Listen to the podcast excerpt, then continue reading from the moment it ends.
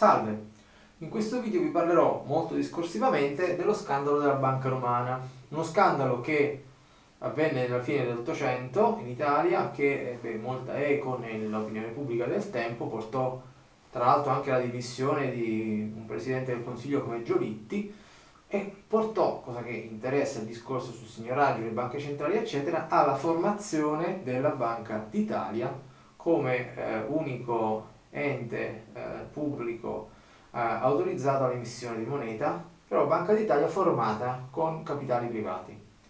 Andiamo con ordine. Nel 1860 ci fu la spedizione dei Mille e l'Unità d'Italia, come ben sappiamo. Questa unità eh, eh, riguardava tutta la penisola tranne il Lazio, che rimaneva allo Stato Pontificio. Abbiamo già detto in un altro video che ogni Stato preunitario aveva un debito pubblico, tutti i debiti furono riuniti nel grande libro del debito pubblico. Gli Stati preunitari avevano anche un'emissione monetaria, quindi furono unite anche tutte le emissioni monetarie. Però, per questioni anche logistiche eh, di opportunità, ogni eh, vecchia, diciamo, eh, eh vecchia banca emittente eh, continuò a, ad emettere moneta. Queste banche erano cinque. La Banca Nazionale di Torino, che era la precedente banca del, del, del Regno Sabaudo, due banche toscane, il Banco di Napoli e il Banco di Sicilia. Queste erano le cinque banche autorizzate ad emettere denaro dopo il 1860. Nel 1865 la capitale si spostò a Firenze ma subito dopo, cinque anni dopo, nel 1870, sappiamo che ci fu la breccia di Porta Pia, quindi anche il regno pontificio fu uh, conquistato dal, dal, Regno d'Italia e entrò a far parte del numero de, delle banche private che potevano emettere moneta anche la vecchia banca pontificia che divenne la banca romana, questa qui. Fu anche spostata la capitale a Roma. Lo spostamento della capitale a Roma portò una serie di investimenti, di investimenti immobiliari molto molto forti. Questi investimenti immobiliari venivano finanziati dalle banche private, quindi molte banche italiane, inclusa la stessa banca romana ovviamente, essendo a Roma. Tuttavia questi investimenti non andarono molto a buon fine, tanto che molte banche molto esposte con questi, eh, con questi costruttori fallirono. La banca romana era una di queste banche molto esposte, ma per non fallire, siccome aveva la stampa della moneta a disposizione, fece quello che tutti noi abbiamo pensato una volta nella vita, cioè se abbiamo la stampa della moneta, stampiamo la moneta e si misero a stampare moneta. Nonostante, ricordiamo, siamo nel 1888-90 circa, eh, non c'erano i computer, si facevano tutti i conti a mano con i bimastri, eccetera. Nonostante questo, in economia, anche con carta e penna e calamaio, si possono trovare inghippi, si possono scoprire gli altarini. Infatti, dopo diverse ispezioni, scoprirono la frode della banca romana, che autorizzata ad emettere 60 milioni di lire, ne emise fino a 112 milioni, quasi il doppio. Per non farsi scoprire, addirittura stampavano su due linee tipografiche lo stesso numero di serie, la stessa serie, producendo sostanzialmente banconote false.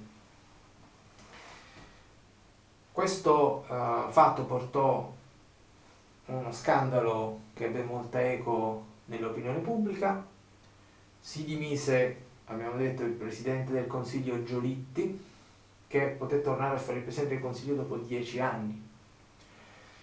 E a quel punto, come ogni volta succede qualche, qualche disastro eh, economico, politico, eccetera, cosa fa? Cosa ha fatto il Regno d'Italia?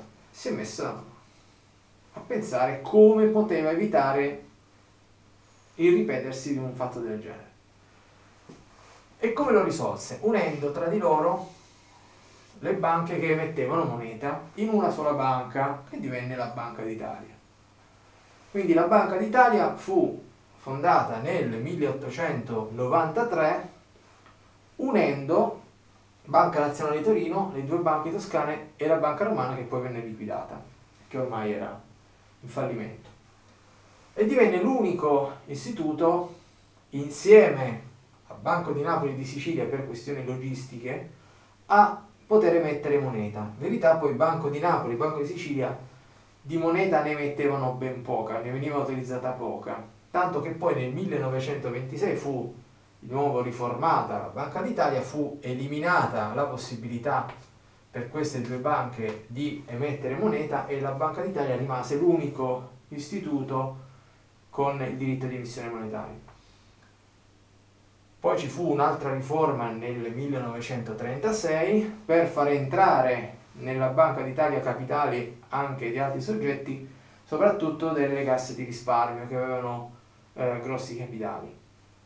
Quindi la Banca d'Italia era un istituto pubblico che emetteva moneta dietro autorizzazione del, del Regno d'Italia, ma eh, con capitali privati.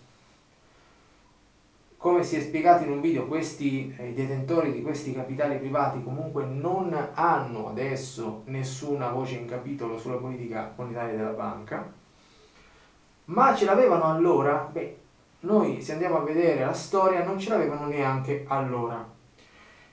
Nel 1936, abbiamo detto, entrarono a far parte di questo capitale anche le casse di risparmio. Il presidente delle casse di risparmio, colui quindi che le rappresentava tutte collettivamente, eh, iniziò a pretendere voce in capitolo nella politica monetaria della Banca d'Italia. A rispondergli per bocca di un funzionario fu direttamente Benito Mussolini, 36 siamo in pieno fascismo, quasi seconda guerra mondiale, che come si dice a Roma lo rimbalzò dicendogli sostanzialmente tu non puoi avere nessuna voce in capitolo sulla, uh, sulle funzioni principali della Banca d'Italia.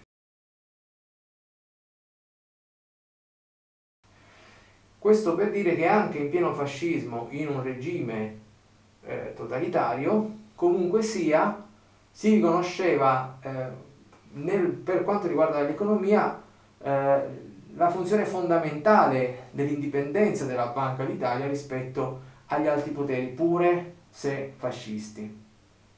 Quindi, poi ci furono altre riforme, fu abbandonata la parità aurea dopo la seconda guerra mondiale, dato che i tedeschi ci avevano rubato tutto l'oro, quindi non c'era più oro per emettere moneta, fu anche abbandonata parità aurea, eccetera, ma... e poi ci furono altre riforme ovviamente, ma questo, diciamo, questa storia vi permette di capire perché eh, la Banca d'Italia tutt'oggi è formata da uh, capitali privati i quali però non hanno voce in capitolo nelle decisioni fondamentali della stessa Banca d'Italia. Grazie.